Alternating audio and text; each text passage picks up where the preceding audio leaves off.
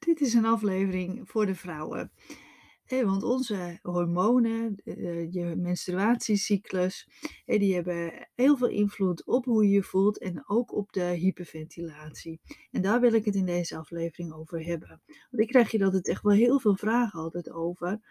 En want eh, ja, de vraag is dan vaak, kunnen mijn klachten verergeren rondom mijn menstruatie?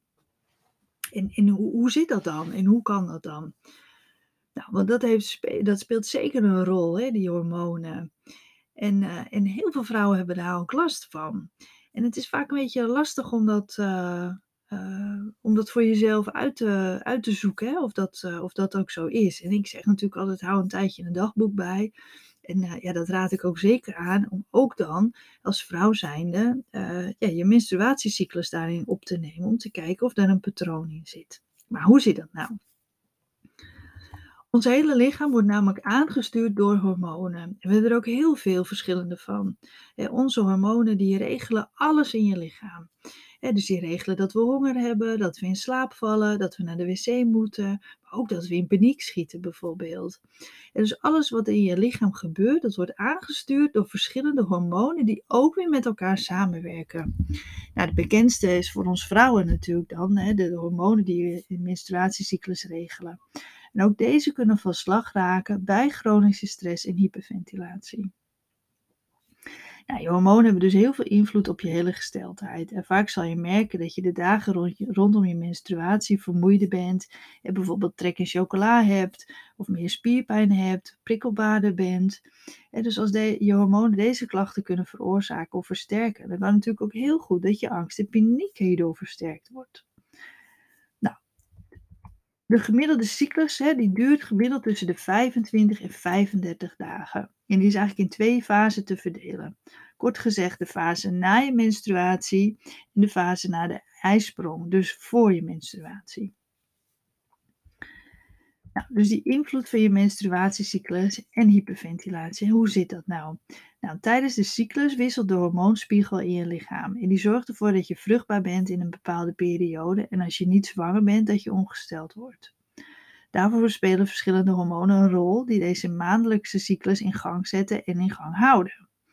Onder andere het vrouwelijke hormoon, hè, oestrogeen, en die is niet alleen verantwoordelijk voor onze seksuele lustgevoelens, maar speelt ook een cruciale rol bij andere opwindende gevoelens, zoals angst. En gevoelens als lust, angst, alertheid en opwinding, die worden allemaal aangestuurd door het hormoon oestrogeen. Tijdens de cyclus wisselt de, de spiegel van, je, van dit hormoon. En dan kan je dus duidelijk merken dat je klachten verergeren, maar ook weer minder worden tijdens de cyclus. Hoe kan het dan? dat, dat stress eigenlijk zo'n grote rol hierin speelt. Nou, dat komt omdat stresshormonen een dominante rol spelen. Dat is eigenlijk heel logisch, want die zijn heel belangrijk bij het overleven. En dus een stressreactie krijgt altijd voorrang. Super handig als je huis in brand staat of als je moet wegvluchten omdat er iemand eh, een inbreker achter je aanrent. Maar minder fijn natuurlijk als je last hebt van chronische stress. Want dan zal je lichaam steeds reageren met dat stresshormoon, waardoor je lichaam zich klaarmaakt om te vluchten of te vechten. Oftewel, er is een wisselwerking. Als jij meer ontspannen bent en een betere ademhaling hebt, zullen je stresshormonen minder invloed hebben op je systeem. Want die zijn er dan natuurlijk gewoon minder. Belangrijk is dus als je merkt dat dit een grote invloed heeft op hoe je je voelt gedurende die cyclus, dat je dus gaat werken aan die ontspanning en die ademhaling. En want omdat die stresshormonen dominant zijn, gooi je die dus eigenlijk de hele boel in de war. Waardoor je dus ook al die andere hormonen, zoals die, die, uh, hormonen die, uh, die dus invloed hebben op die cyclus, maar ook op je, of je kan ontspannen. die, die spelen daar allemaal een, een rol in. En die gooi je dus eigenlijk de hele boel door de war. Nou ja, het kan ook zo zijn, hè, ik heb ook een podcast over, uh, opgenomen over de overgang. Dus het is natuurlijk ook belangrijk om, uh, als, je, als je boven de 40 bent, om die ook een keertje te luisteren. Of op mijn website te lezen, want daar staat het ook uitgelegd. Hè. Dus dat is www.hyperventilatiecoach.nl. En want, want dat ik zei, met die oestrogeen, die neemt eigenlijk in week 1 en neemt, die, uh, neemt dat toe.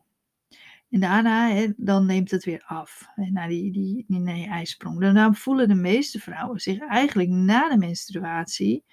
In week 1 nou, voel je je wel oké. In week 2 voel je eigenlijk het beste. Voel je het sterkst. En dan voel je, ja, voel je gewoon het, het beste.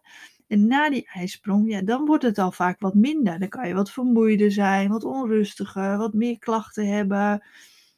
En dan vlak voor die menstruatie, of op het moment dat je menstruatie net begint, ja, dan kan je dus heel veel klachten krijgen. De, eh, door de, door de, de vermoeidheid, spierpijn en, en, en de onrust en de paniek bijvoorbeeld.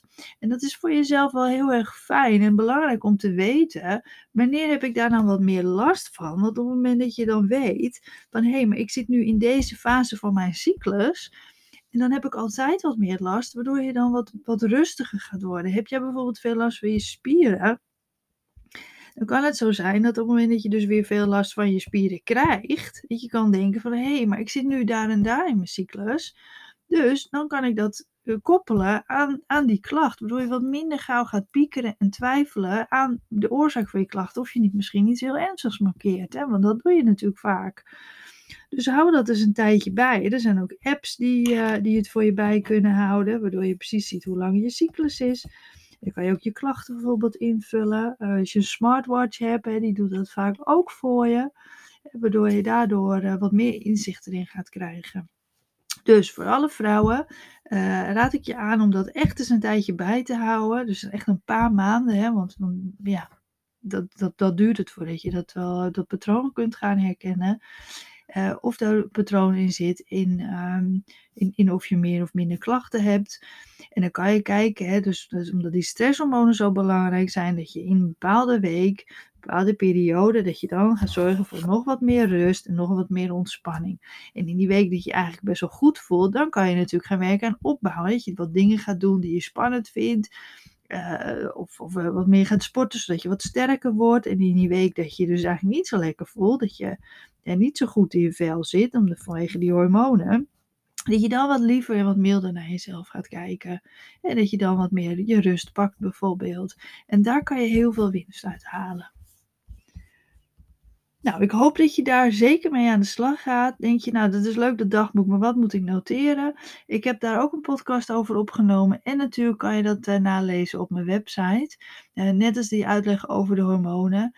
En uh, dus, dus kijk daar zeker eventjes naar als je merkt dat daar voor jou uh, ja, toch wel echt een patroon in zit. Bedankt weer voor het luisteren en tot bij een volgende.